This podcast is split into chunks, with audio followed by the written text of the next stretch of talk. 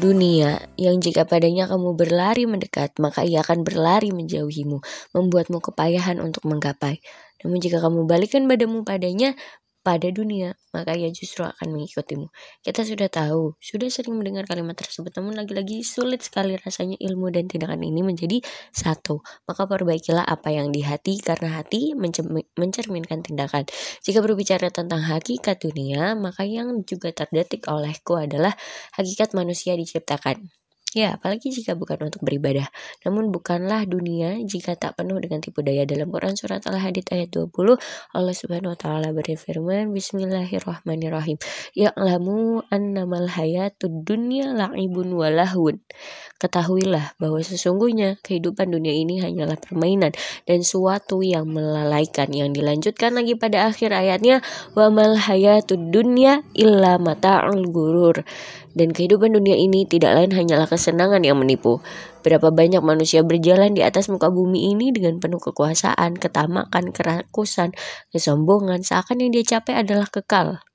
Banyak generasi muda muslim saat ini yang demikian, bangga dengan aibnya sendiri. Maka tugas kita adalah memperbaiki diri dan juga saling mengingatkan.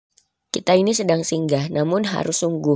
Karena di tempat persinggahan ini, segala perbuatan yang kita lakukan akan dicatat. Segala amal, baik dan buruk kita akan dimintai pertanggungjawaban di kehidupan yang kekal kelak. Sehabis sahur dan sholat subuh nanti, pergilah keluar rumah, hirup udara di luar yang segar. Lihatlah matahari terbit burung-burung yang berkicau, mungkin gunung yang berdiri gagah bersama semburat kabut.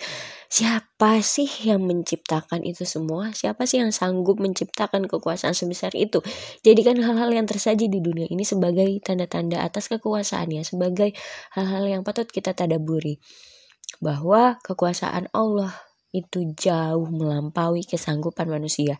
Sehingga diharapkan bisa menambah keimanan kita kepada Allah Subhanahu wa taala.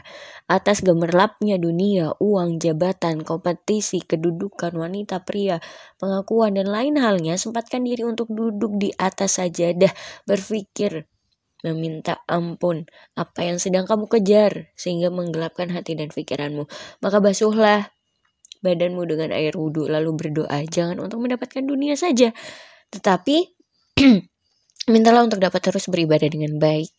Mintalah untuk dibersihkan hatinya, pikirannya dari gelapnya dunia yang menipu. Amin.